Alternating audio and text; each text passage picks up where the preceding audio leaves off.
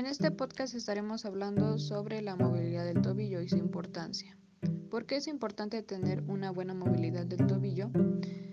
Una buena movilidad del tobillo nos permite tener una marcha normal y también tener un buen soporte al caminar, al igual que el equilibrio.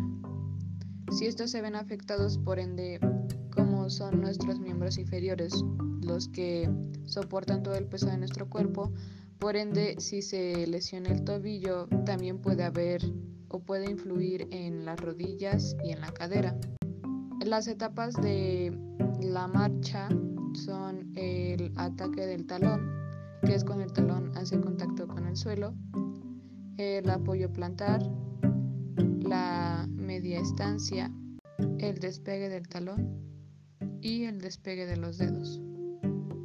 Las lesiones pueden ser causadas por actividades mal empleadas de nuestra vida cotidiana, como puede ser ejercicio, un mal apoyo o un esguince.